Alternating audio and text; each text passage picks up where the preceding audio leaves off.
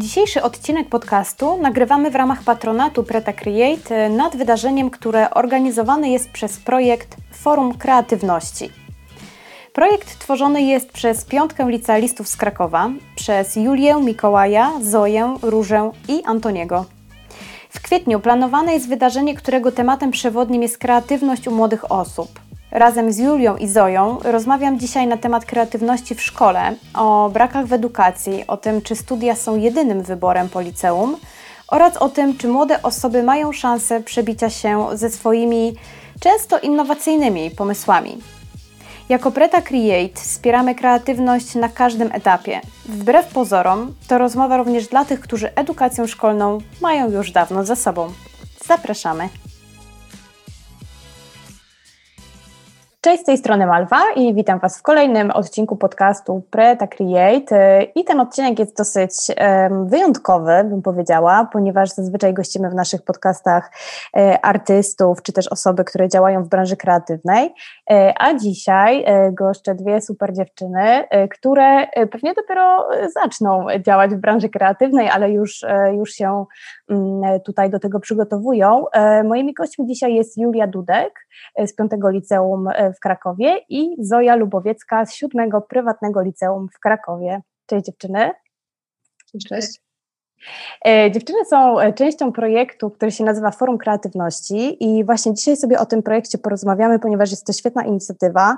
E, my jako Preta Create chcemy wspierać kreatywność już od samego początku, od samych zalążków i jak wiadomo, spora część kreatywności rodzi się właśnie w szkole i mniej więcej też o tym sobie porozmawiamy, jak to jest z tą kreatywnością w szkole, poza szkołą, po szkole i tak dalej.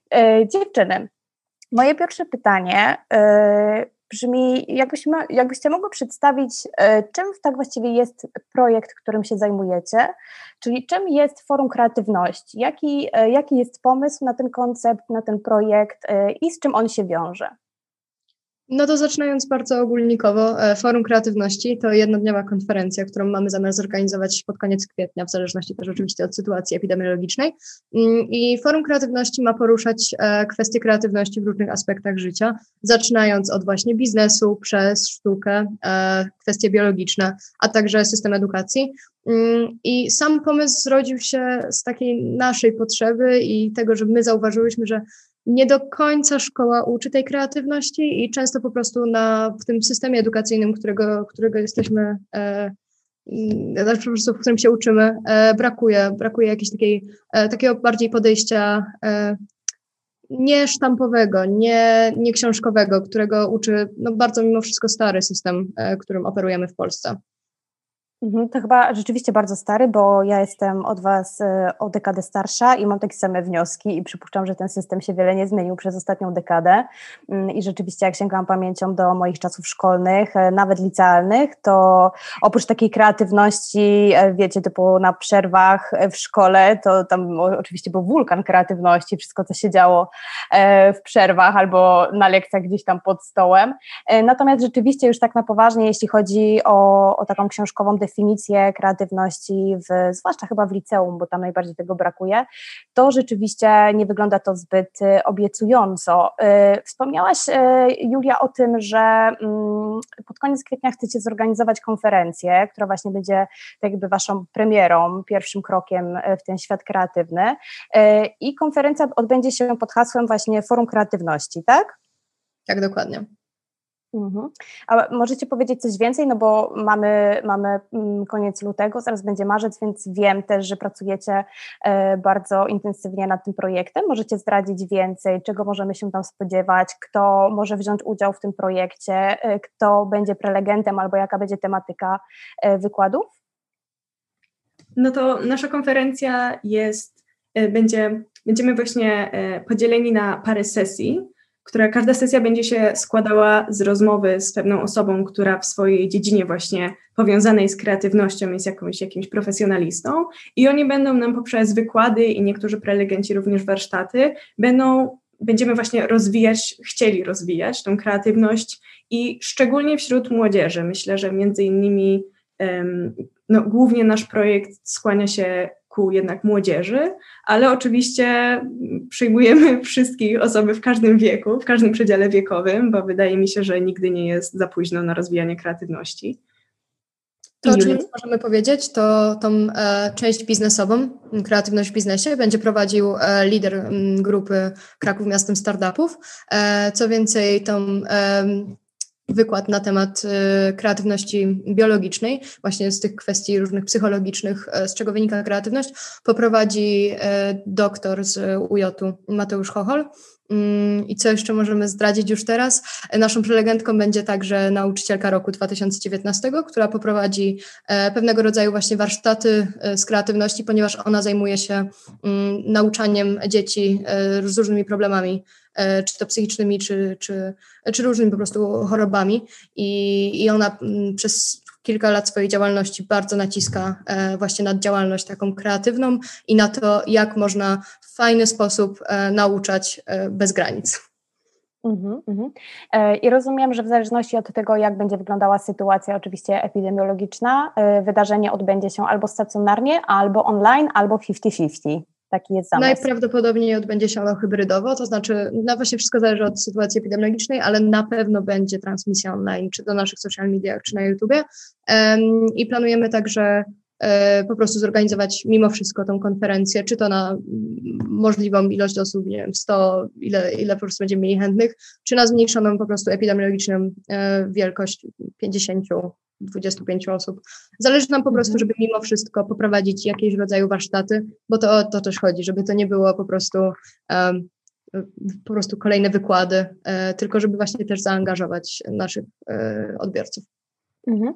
I w projekt y, jesteście zaangażowane Wy, ale też Wasi znajomi y, i rozumiem, że Wy, no zresztą Ty Julia jesteś z piątki, y, Zoja Ty jesteś z siódmego prywatnego liceum w Krakowie, czyli jesteście trochę porozstrzelani po różnych liceach, jesteście grupką znajomych z różnych e, liceów, z różnym doświadczeniem też, e, którzy po prostu się spotkali, skumali i stwierdzili, że okej, okay, brakuje nam tego samego w tym systemie edukacji i zróbmy coś fajnego, tak to wyglądało?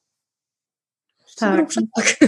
Pamiętam taką rozmowę, miałam właśnie jedną z również, e, jedną z liderek naszego projektu Różą, e, kiedy na jednej z naszych lekcji, taki e, pan od historii, który raczej bardziej ma taki niekonwencjonalny system na sposób nauczania, puścił nam TED Talka Kena Robinsona, który właśnie był między innymi o tym, o tym, że ta szkoła trochę ogranicza ten rozwój kreatywności i pamiętam, że wtedy trochę w nas się narodził ten pomysł, że może, może jest coś, co można z tym zrobić.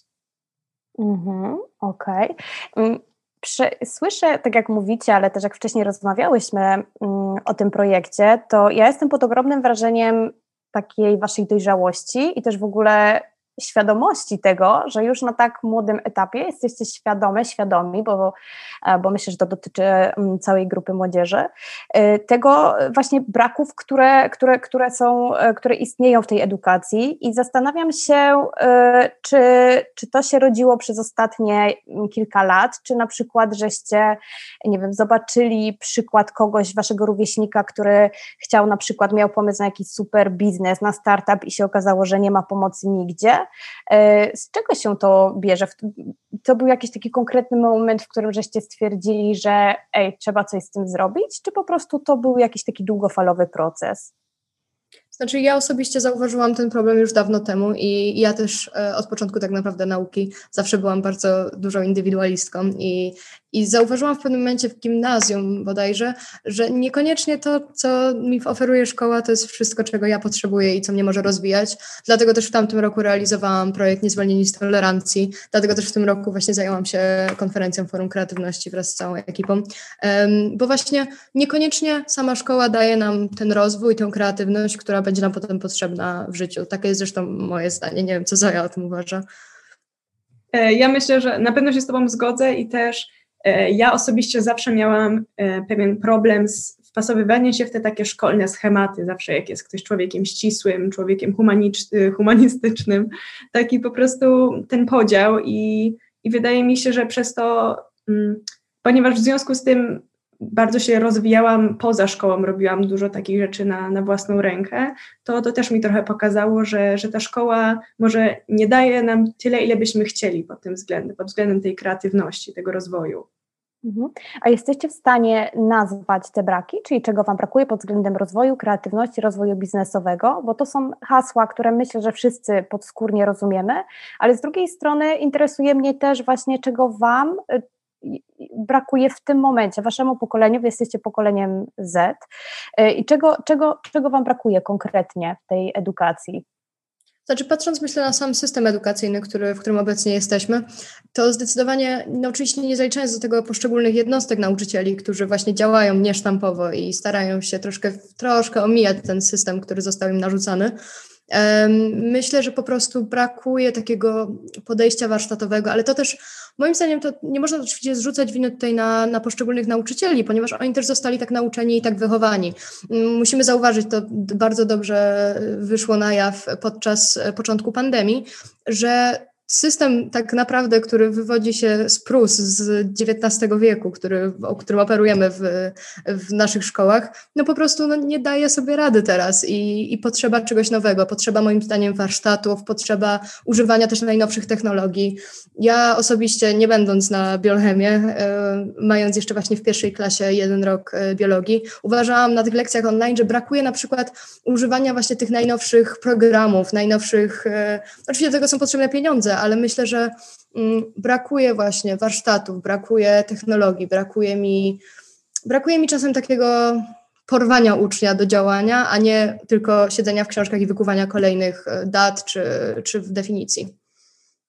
Mhm, Okej. Okay. E, a tobie Zoja, czego brakuje?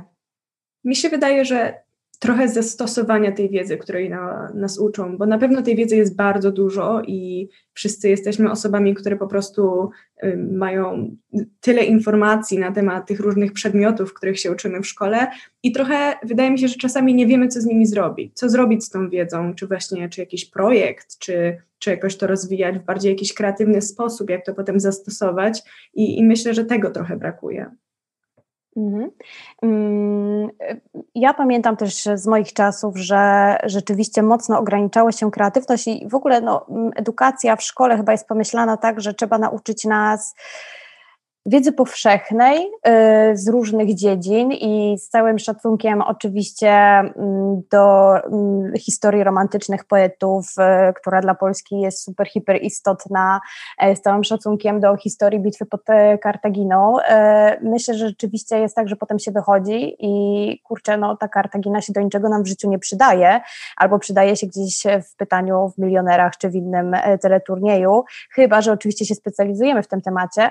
Natomiast to, czego mi najbardziej brakowało w szkole i braki widzę teraz, czyli dekadę później, kiedy prowadzę własny biznes albo kiedy zaczynałam prowadzić własny biznes, to jest, to są tak trywialne rzeczy, jak na przykład umiejętność obliczenia podatków. E, oczywiście jest w szkole temat, e, dalej chyba jest przedmiot podstawy przedsiębiorczości. Macie taki, taki przedmiot? Tak, tak, tak. Znaczy miałyśmy zresztą. On się tak samo nazywa? Podstawy przedsiębiorczości? Tak, tak. I, i, I, macie takie poczucie, że wiecie, wychodzicie po tej godzinie yy, takie przedsiębiorcze i po prostu nastawione, dobra, to ja teraz robię biznes, wiem jak to zrobić, wiem jak obliczyć wszystkie podatki, wiem jak napisać dobry biznesplan, wiem jak zrobić strategię marketingową mojej firmy. Macie takie poczucie, czy totalnie nie ma takiej wiedzy? Bo za moich czasów tego nie było.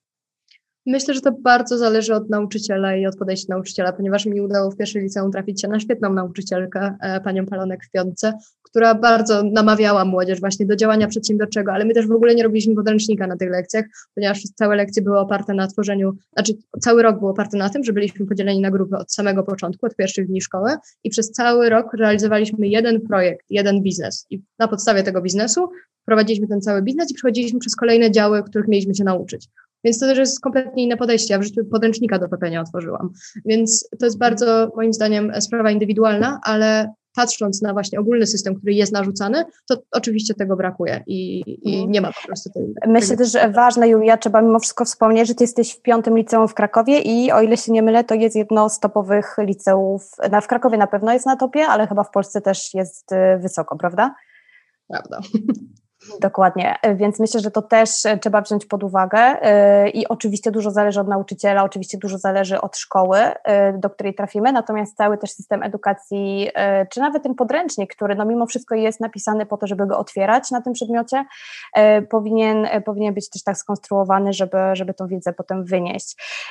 Ale też oczywiście myślę, że duże braki, to co powiedziałyście mm, wcześniej, czyli przygotowanie nauczycieli. Myślę, że nawet jeżeli mamy super dobry podręcznik, a nauczyciel nauczyciel nie potrafi tego przedstawić, tej wiedzy, to to totalnie, mm, totalnie nie ma sensu i też e, taka edukacja nauczycieli, e, warsztaty dla nauczycieli myślę, że też byłyby e, bardzo fajną opcją.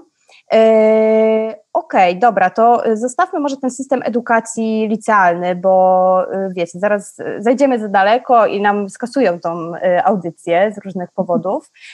Natomiast ja jestem też ciekawa, jakie wy macie podejście do do tego, co się dzieje po studiach, czyli do, to znaczy po liceum, czyli do studiów. E, czy, czy, wy się, czy wy się wybieracie na studia? Ja tak, ja na pewno. Ja, mhm. ja też się wybieram akurat, ale nie uważam, żeby to była. Akurat w moim przypadku jest to konieczność, ale nie uważam, żeby w każdym przypadku to była konieczność. Mhm. A w Twoim przypadku jest to konieczność, bo planujesz jaki, jakie studia? Architekturę. Ja jestem nastawiona na architekturę od uf, gimnazjum chyba, albo nawet podstaw, pod, końca podstawówki, więc ja jestem bardzo sfokusowana, po prostu to jest temat, który bardzo mnie interesuje i w którym bardzo chcę się rozwijać, ale właśnie to jest ta mhm. kwestia, że ja od początku wiem, co chciałam robić. Jakby ja czuję bardzo ten, ten temat, ja bardzo chcę iść na te studia, ale nie uważam, żeby namawianie ludzi, że trzeba iść na studia, bo trzeba skończyć edukację, jest taką kwestią konieczną. Mhm. Tak, architektura, no mimo że jest kreatywnym, kreatywnym też trochę ścisłym kierunkiem, ale raczej, raczej bliżej do kreatywnego myślenia, tam do takiego worka jest włożona, rzeczywiście wymaga, wymaga studiów, natomiast wymaga też przygotowania takiego, y, pewnie będziesz musiała robić teczkę i będziesz musiała przez rok, dwa lata pracować nad tym, żeby się dostać na tą architekturę. Y, I to roz, rozumiem, że też y, będziesz robiła poza szkołą, na własną rękę, lekcje prywatne, rysunku tak, i tak dalej, i tak dalej. Mhm, no właśnie, już trzeba zacząć to robić. E, ok, a ty Zoja planujesz iść na jakie studia? No to jest takie ciężkie pytanie. Znaczy, skłaniam się ku kierunkom coś koło kognitywistyki, czyli e, nauki na temat sztucznej inteligencji. Myślę, że, że byłoby coś w tym rodzaju, ale no, nie mogę powiedzieć, że jestem pewna. Wydaje mi się, że nie miałam nigdy aż takiej pewności jak, e, jak Julka. Miałam co prawda jedno doświadczenie, że przez bardzo długi czas chciałam iść na studia aktorskie i spotkałam się z bardzo dużą ilością osób, które mówiły mi, jaka to jest, jaką jestem wariatką, że po czymś takim nie ma po prostu y, człowiek kończy nawet na ulicy, jak się nie dostanie na deski jakiegoś słynnego teatru, że to w ogóle nie ma sensu, lepiej założyć biznes od razu. No i nie powiem, że nie zadziałało mi to trochę na głowę. Na pewno podejście wielu takich osób, bo tych ludzi jest naprawdę dużo, e, wpływa na, na myślenie takich osób w naszym wieku. Myślę, że dużo osób rezygnuje z takich bardziej właśnie e, nietypowych, schematycznych, naukowych studiów, e, no właśnie rezygnuje z artystycznych na rzecz tych mm -hmm, nauk. Mm -hmm. A myślicie, że z czego to wynika? Właśnie z tego, że trudno się przebić w tych kreatywnych kierunkach, czy z tego, że nie ma takiego wsparcia właśnie już na etapie szkolnym, że hej, możesz być super aktorem, możesz być super artystą, możesz być świetnym architektem, świetnym grafikiem, pomimo konkurencji? Myślę, że trochę i tego, i tego. Na pewno takie zawody bardziej kreatywne, rodzaju aktorstwa czy jakiegoś tam zaangażowania w muzykę są ciężkie, bo tych ludzi jest dużo, którzy się tym zajmują i trzeba być naprawdę dobrym, ale wydaje mi się, że jednak głównie jest to podejście ludzi, że od najmłodszych lat się nam mówi, że coś tam lekarzem zostań, zostań prawnikiem, te takie poważne zawody. Właśnie nikt nie bierze tych niestety, no może nie nikt, ale bardzo dużo osób nie nazywa tych bardziej kreatywnych e, karier jako, jako poważnej kariery. Ja właśnie też widziałam ten problem tak naprawdę od dawna, że, że ludzie po prostu zaprzepaszczają jakieś swoje pasje, jakieś swoje umiejętności, dlatego że na przykład powie się im, że o, źle jest finansowany dany, dany zawód, tak? I, I w momencie, w którym naszym jedynym determinantem pójścia na dane studia jest kwestia finansowa, no to zatracamy się właśnie z tą kreatywnością i, i nie rozwijamy się. Mhm. Myślę, że panuje w społeczeństwie taki stereotyp artysty, czyli właśnie takiego biedaka, takiego typowego powiedzmy Van Gogha, który yy, no, no, ma problemy psychiczne, bo jest po prostu nadwrażliwcem, bo bardzo często artyści są nadwrażliwcami. Yy, żyje, jedn, je, je, jedną bułkę przez cały tydzień, po prostu głoduje i żyje swoją pasją, yy, natomiast totalnie brak mu jakiegoś takiego biznesowego skillu, bo tak się poświęca swojej artystycznej pracy. Natomiast yy, w dużej mierze to jest stereotyp i tutaj mogę powiedzieć w 100%, ponieważ ponieważ my jako Preta Create się zajmujemy właśnie tym, żeby połączyć tą półkulę kreatywną z półkulą bardziej biznesową i żeby po prostu, żeby udowodnić, że to ma duży potencjał, żeby, żeby razem zaklikało i razem fajnie zadziałało. Mm, natomiast jeszcze wracając do tego tematu wyboru studiów, ja jestem bardzo też ciekawa, czy, czy coś się zmieniło w szkole pod względem y, pomocy przy, przy takim um, ukierunkowaniu zawodowym, czyli czy jest coś takiego na etapie liceum, że nauczyciel, wychowawca ktokolwiek przychodzi i po prostu rozmawia z każdym uczniem, hej, y, o jakich studiach myślisz, dlaczego o takiej drodze zawodowej myślisz i co powinnaś, powinieneś zrobić, żeby to się udało? Znaczy, to zaczęły być dość popularne e, te warsztaty z doradztwa zawodowego, mi się wydaje, i coraz więcej moich znajomych słyszę, że, że chodzi na takie warsztaty, które są organizowane w szkołach, ale znowu to jest kwestia tego, że no, jednak jesteśmy w Krakowie, w, w dawnej stolicy, a nie, mm -hmm, a nie mhm, mieszkamy na obrzeżach czy, czy w jakiejś mniejszej miejscowości, w której po prostu no, myślę, że nie ma takich, takich możliwości. Tak, to przepaść jest na pewno ogromna, jeśli chodzi o miasta duże i jeśli chodzi o mniejsze e, miasteczka, o wsie, to myślę, że to jest po prostu przepaść, która no, jest jedną wielką czarną dziurą i to jest przerażające.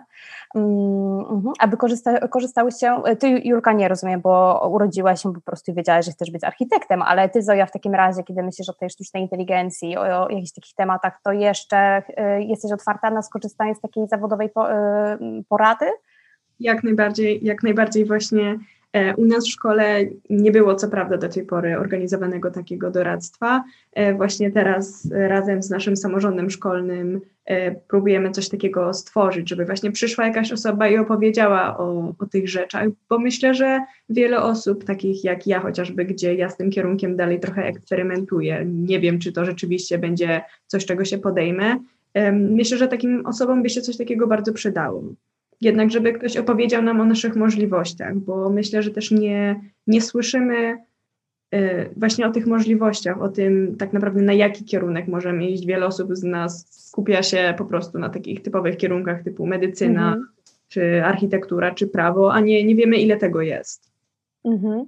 E, tak, chyba jest bardzo duża też ilość nowych kierunków. E, nawet ostatnio rozmawiałam z Dominiką Spreta e, o tym, patrzyłyśmy akurat na CV na, na staż, które dostałyśmy i po prostu patrzyłyśmy na kierunki studiów, które ludzie kończyli i byłyśmy tak zafascynowane tymi kierunkami i czułyśmy się jak takie stare ciotki, które mówią, za naszych czasów to nie było takiego kierunku. E, albo wiecie, gdzieś było, a nawet o tym, żeśmy nie wiedziały, bo rzeczywiście w tak młodym wieku, czyli wieku 19 lat, nikt nie otworzył nam w ogóle głowy, że hej, możesz w ogóle robić coś takiego. I tak jak ja sobie myślę o sobie, kiedy byłam w waszym wieku, to chyba najbardziej tego z perspektywy czasu widzę, że to był największy brak, który, który gdzieś tam potem przez dekadę musiałam sobie sama wypracować, czyli trochę taki czas zmarnowanej szansy i podjęcie różnych prób, nie wiedziałam do końca, co chcę robić, nikt totalnie mi tak jakby nie umiał pomóc, co bym chciała robić, natomiast może to też, tak sobie myślę, jest naturalny proces każdego człowieka, żeby, nie wiem, do 25, do 26 roku życia rzeczywiście próbować różnych rzeczy, czy to na studiach, czy na jakichś alternatywach e, do studiów, o których zaraz sobie porozmawiamy, żeby, żeby po prostu szukać tej swojej drogi. Być może też nie warto kłaść na siebie taką presję, że w wieku 19 lat muszę wiedzieć, kim chcę być. Co o tym myślicie? No ja się na pewno w 100% zgadzam i właśnie uważam, że ważne jest y, nawet zrobienie sobie tego gabiera czy coś takiego, żeby, żeby dać sobie czas i żeby zrozumieć, co, co tak naprawdę daną osobę interesuje. Bo w momencie, w której w szkole jesteśmy uczeni bardzo takich e, rzeczy tam, no, typowych po prostu i takich na przykład przedmioty, które mamy w szkole, to jest mimo wszystko no, takie biologia, chemia, to nie są przedmioty jakoś połączone ze sobą. E, moim zdaniem właśnie brakuje tego czasu, żeby zastanowić się, mm, co tak naprawdę nas interesuje, bo przykładem jest Zoja, która jest i na biologii, i na polskim, więc właśnie moim zdaniem brakuje tego połączenia w, w polskich szkołach i na polskich uniwersytetach. Mhm. A ty Zoja czujesz taką presję, że już powinnaś wiedzieć, na jaki kierunek studiów y, będziesz aplikować? Myślę, że myślę, że trochę tak, bo też moja siostra jest teraz w wieku tak studenckim, że tak to ujmę, pisze właśnie pracę licencjacką e, i widzę, jakby ona mi opowiada dużo historii i na przykład często się słyszy, że osoba, która chociażby jest w jej wieku, czyli teraz tam 22 lata i po trzech latach czy po dwóch latach rzuciła swój kierunek studiów i zdecydowała się na jakiś inny. I w wieku, gdzie tam powinna pisać tę pracę licencjacką jest na pierwszym roku, no to nie patrzy się na to pozytywnie, bo ty już powinnaś być po trzech latach studiów, powinnaś wiedzieć, powinnaś już po prostu kierować się ku końcowi. A, a takie osoby, które tak naprawdę eksperymentują, może im się nie spodobało, właśnie no, negatywnie się na nie patrzy, co, co na pewno wywiera taką presję, że w wieku 19 lat tak naprawdę powiedziałabym, że 16, no bo jednak w wieku tam 16 czy 17 lat, tam tej pierwszej liceum każą, jesteśmy jakby, oczekuje się od nas, że wybierzemy ten profil i na podstawie tego profilu potem napiszemy maturę i, i na podstawie tej matury wybierzemy studia, więc to nawet mm wydaje mi się, że ten proces zaczyna się jeszcze dużo wcześniej niż 19 lat. Dokładnie, bo teraz jest tak, że wy w pierwszej klasie y, deklarujecie, czy w drugiej klasie deklarujecie profil maturalny? Znaczy tak naprawdę na sam profil to teraz deklaruje się w trzeciej gimnazjum, a potem no, ewentualnie można zmieniać, e, zmieniać rozszerzenia na maturze, ale teoretycznie... Trzeciej gimnazjum? Boże, to ja miałam w głowie w trzeciej gimnazjum. do jakiej szkoły i na jaki profil się idzie. No ale wybieram, mm. kilka powiedziała, teoretycznie możemy, możemy zmieniać te rozszerzenia, no ale jednak no kurczę, jest to stres, na przykład w połowie mm. liceum zmienić nas, nie wiem, z biolchemu na, na na polskiej historię. No, jest to duży przeskok i myślę, że mhm. dużo osób, które na przykład po tym roku czy po dwóch latach sobie pomyśli, to jednak nie jest to, co lubię, mimo wszystko zostaje przy tym rozszerzeniu po prostu ze strachu trochę i no, nie dziwię im się. Mhm. Tak może tylko, żeby Was pocieszyć, to mm, w moim najbliższym otoczeniu i też myślę, że ja jestem też trochę takim przykładem y, i myślę, że jest pełno takich przykładów osób, które gdzieś są bliżej mojego wieku, E, to są osoby, które, wiecie, skończyły totalnie odklejone kierunki, e, z których już po dwóch, lat, po dwóch latach na studiach wiedziały, że po prostu to nie jest to i nie chcę w ogóle nigdy więcej w tym pracować. Natomiast też jest coś takiego jak e, taki przymus trochę, że musisz być magistrem, czyli mieć tego, ten tytuł magistra. Myślę, że to się bierze też w ogóle z jakichś takich naleciałości z dawnych, z dawnych lat i na pewno też z pokolenia naszych rodziców. I po prostu no, te osoby kończyły te studia, męczyły się, ale zdobyły tego magistra i po prostu ten magister leży gdzieś na dnie szafy i działają w kreatywnych, artystycznych kierunkach. Więc rzeczywiście jest tak, ja też przez ostatnie 10 lat, 10 lat mocno się błąkałam, usłyszałam nieraz, że robię za dużo rzeczy i ja właściwie nie wiem, co chcę robić w życiu, ponieważ sorry, ale ja przez ostatnie 10 lat nie wiedziałam, co chcę robić w życiu. I dopiero myślę, że Pertakrid jest takim miejscem, gdzie, gdzie, gdzie się mogę realizować. I mówię to po to, żeby żebyście może zdjęły rzeczywiście trochę tą presję z siebie, że w wieku 16-19 lat naprawdę nie musicie wiedzieć, co chcecie robić. Wiem, że to jest ważne, zwłaszcza jeżeli chodzi o takie kierunki jak architektura, te poważne kierunki, medycyna, prawo. Jeżeli ktoś jest w 100% do tego przekonany, to super. E, to też pewnie wynika z jakiejś tradycji, czy może rodzinnej e, w dużej mierze, e, czy z, jakiejś, z jakiegoś takim, takiego zamiłowania od dzieciaka. Natomiast myślę, że spokojnie można dać sobie czas i to, co powiedziałaś Ty, Julka, wziąć po liceum ten gapier i po prostu, jeżeli nie wiem, co chcę robić, to to po prostu zrobić sobie przerwę i, i, i, próbować różnych rzeczy. Natomiast jeśli chodzi o tą przerwę, y, która może być alternatywą dla studiów, może być krótszą alternatywą, czyli takim jednorocznym gap year, albo może być dłuższą alternatywą dla studiów, czyli w ogóle nie idziemy na studia, e, to ważne, żeby ten czas też wykorzystać, czyli po prostu nie przebimbać go przed Netflixem. E, I teraz e, jakie, jakie, jakie są alternatywy, mm, jakie wyznacie alternatywy dla studiów? Jeżeli rozmawiacie z ludźmi i nie chcą iść na studia, co mogą robić? Bardzo, bardzo dobre pytanie i bardzo trudne pytanie, ponieważ tak jak powiedziałaś, ta presja społeczeństwa z pójściem na studia no jest bardzo duża i, i tak naprawdę mało myślę, co naszych znajomych jest w stanie powiedzieć, nie, ja robię sobie rok przerwy, nie idę na żadne studia. Mm, tak naprawdę tych alternatyw myślę, że w Polsce nie jest na tyle. To, co na pewno ja, co mi pierwsze na myśl przychodzi, to po prostu realizowanie się w jakichś projektach, e, próbowanie właśnie swoich sił w, w różnych dziedzinach też, e, czy właśnie tworzenia konferencji, czy robienia projektu społecznego. Dużą właśnie tutaj możliwość dają zwolnieni z teorii, którzy, którzy zrzeszają po prostu ludzi kreatywnych, ludzi, którzy chcą działać I właśnie może, może to jest dobra odskocznia, żeby w formie takich zwolnionych z teorii e, jakoś poszukać siebie i poszukać tego, co chce się robić. Mhm, mhm.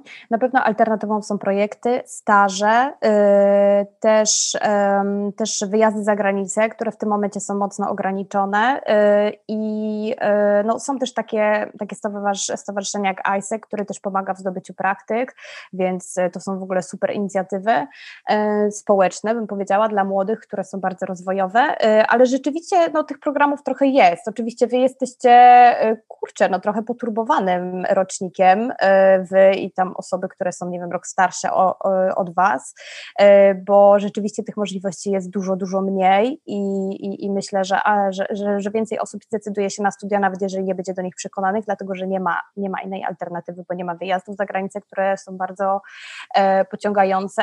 E, są oczywiście możliwości stażu, natomiast te staże też się teraz odbywają w większości zdalnie i to wcale nie jest e, takie, um, takie jak wcześniej. E, też się, też się zastanawiam y, nad takimi aspektami, y, których się właściwie też, też rzadko się porusza y, w, mm, w czasach szkolnych, też takie przygotowanie do życia, studenckie przygotowanie do życia, bo kiedy mieszka się w Krakowie i studiuje się w Krakowie jest super, czy w innym mieście dużym, tam gdzie, gdzie, gdzie, gdzie mieszkamy z rodzicami, natomiast kiedy musimy wyjechać na studia, na przykład z mniejszego miasta do większego miasta, to musimy studiować, musimy podjąć pracę, bo trzeba po prostu się utrzymać w tym mieście i super by było jeszcze dodatkowo robić sobie do CV właśnie staże, projekty. E, czy o tym w ogóle też się mówi? Czy to jest coś, co wy skończycie maturę, zaaplikujecie na studia, wy mówię ogólnie, bo mówię o osobach, które, które wyjadą do większych miast, e, i, I nagle będzie taki ząg, aha, dobra, i kiedy ja mam to wszystko zmieścić w ciągu dnia? Nauka, praca i jeszcze staż. Czy w ogóle o tym się rozmawia? Myślicie, że osoby z mniejszych miejscowości są świadome takiego wyzwania? No, w moim doświadczeniu nie mówi się o tym wcale. To znaczy, u mnie w szkole ten temat w ogóle nie był poruszany. Myślę, że jeżeli w takich właśnie krakowskich szkołach takie tematy nie są poruszane, no to y, tym bardziej, tak jak mówiliśmy o tym kontraście, że w tych mniejszych miasteczkach też może się o tym nie mówić. Tak naprawdę tak jak mówię, w moim doświadczeniu ta rozmowa dotycząca studiów kończy się na słowie studia. Studia to jest kierunek, który wybierasz po maturze i, i tu jest koniec tej rozmowy. Nie ma właśnie, kompletnie nie porusza się żadnych rozwiązań na te problemy, które tak naprawdę, z którymi ma się styczność w tych latach studenckich. No, nie, ja nie czuję się osobiście przygotowana, przygotowana mhm. na te problemy. Mhm. Okej, okay. a jeszcze y, chciałam zapytać Was o taki temat, y, trochę żeśmy wcześniej o tym rozmawiały, czyli to biznesowe podejście do kreatywności, powiedzmy, mm, albo w ogóle wsparcie biznesowe, czyli co się dzieje w momencie, kiedy 18-19-latek, latka przychodzi do, do rodziców, do kogoś z, pomysł, z super pomysłem na biznes. E, jest wsparcie, Czyli wiecie, wy jesteście młodzi, kreatywni i możecie, szybko łapiecie nowe technologie, szybko łapiecie nowinki i bardzo możliwe, że w głowie tak młodych osób zrodzi się świetny pomysł na jakiś startup, na biznes. Czy wy na przykład wiecie, gdzie, gdzie się powinniście udać y, dalej, o wsparcie do, do jakiegoś sponsora i tak dalej? Znaczy myślę, że rozmowa w ogóle o właśnie jakichś startupach, czy o właśnie tworzeniu własnego biznesu zaczęła się dopiero kilka lat temu, tak zresztą to wygląda z mojej perspektywy. I dzięki takim organizacjom właśnie jak między innymi Kraków Miastem Startupów mm, są organizacje, które, dzięki którym właśnie możemy zgłosić się i, i próbować czegoś, ale informacje, my, na przykład ja wiem o tym, ponieważ robi to, robią to moi znajomi, robi to moja przyjaciółka Magdalena Błyskosz, która robi własny, własny startup i wiem to dzięki temu, ale tak naprawdę e, no, nie promuje się e, jakiejś takiej myśli biznesowej, nie promuje się mm, tworzenia czegoś nowego, ponieważ to jest taki obszar niebezpieczny i lepiej, lepiej wybrać bardziej spokojną drogę. Mhm. Wydaje mi się, że co do takich startupów, to często takim słyszanym powiedzeniem jest po studiach, po studiach. Skończysz studia i mhm. zabierzesz się do roboty, poczekaj. Mhm. Mhm. E, tak, tak, a teraz czas leci, po studiach ma się 25 lat i człowiek myśli, o, ja już muszę mieć wszystko ogarnięte i znowu jest ta presja, znowu, że teraz mam do 31 milion i mam tylko 5 lat, żeby zarobić ten milion, po prostu cały czas presja. E, oczywiście mówię trochę z przymrużeniem oka, ale rozumiem, że też, też, też, też się z Wami zgadzam, że totalnie ten temat jest traktowany po macoszemu. No, jak ja byłam w liceum, to w ogóle nie było takiego pojęcia jak startup, mam wrażenie, albo on gdzieś w, w, undergroundzie funkcjonował. E, a jeszcze takie pytanie mm, przy końcu naszej rozmowy. E, rozumiem, że rodzice wiedzą, e, czym się zajmujecie, wiedzą o tym projekcie i ciekawa jestem, czy macie wsparcie od rodziców, czyli czy rodzice wasi mówią super, że robicie taki projekt, czy daj sobie spokój, ucz się do matury?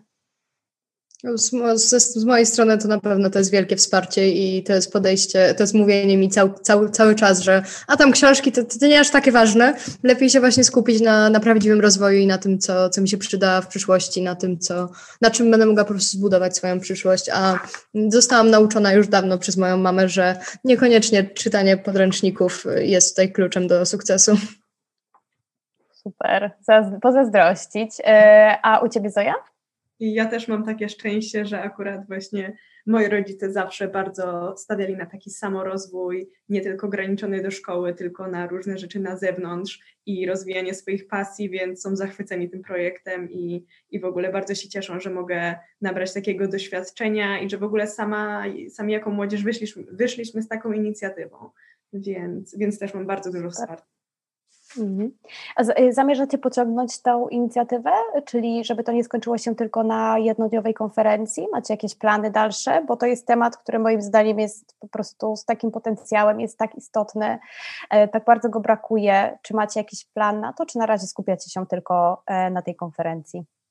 Teraz oczywiście czekamy na konferencję, ponieważ no to, jest, to jest nasz przyszły cel i od tego to się wszystko zaczęło, że chcieliśmy zorganizować konferencję widzimy, jaki, jaki to zaczyna to mieć e, rozbieg, widzimy, jakie to zaczyna mieć zainteresowanie. Dlatego no, jestem przekonana, że jeśli, jeśli uda nam się fajnie to rozwinąć, jeśli zobaczymy, że są chętni, a możemy już zobaczyć po kilku tak naprawdę tygodniach działalności, że są, to myślę, że, że będzie szansa na kontynuowanie tego, czy właśnie w formie, w formie takiej bardziej y, online, jakichś podcastów, filmów i tak czy właśnie ewentualnie drugiej, drugiej edycji konferencji, ale to, to są plany bardzo przyszłościowe i na razie musimy się skupić na tym, na, na celu, który, który nas czeka w kwietniu.